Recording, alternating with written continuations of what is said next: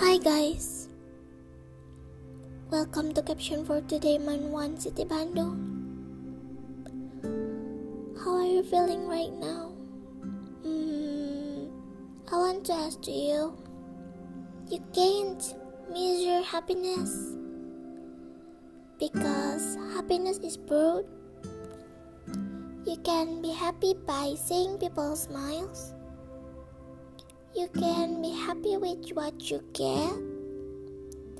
It doesn't mean you should laugh happily. Even if you scratch your neck, you can be happy. Being with people who you love is also a joy.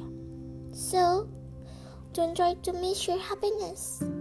If you say your life is unhappy, that's wrong. You are happy but you didn't realize it. Thank you. See you goodbye.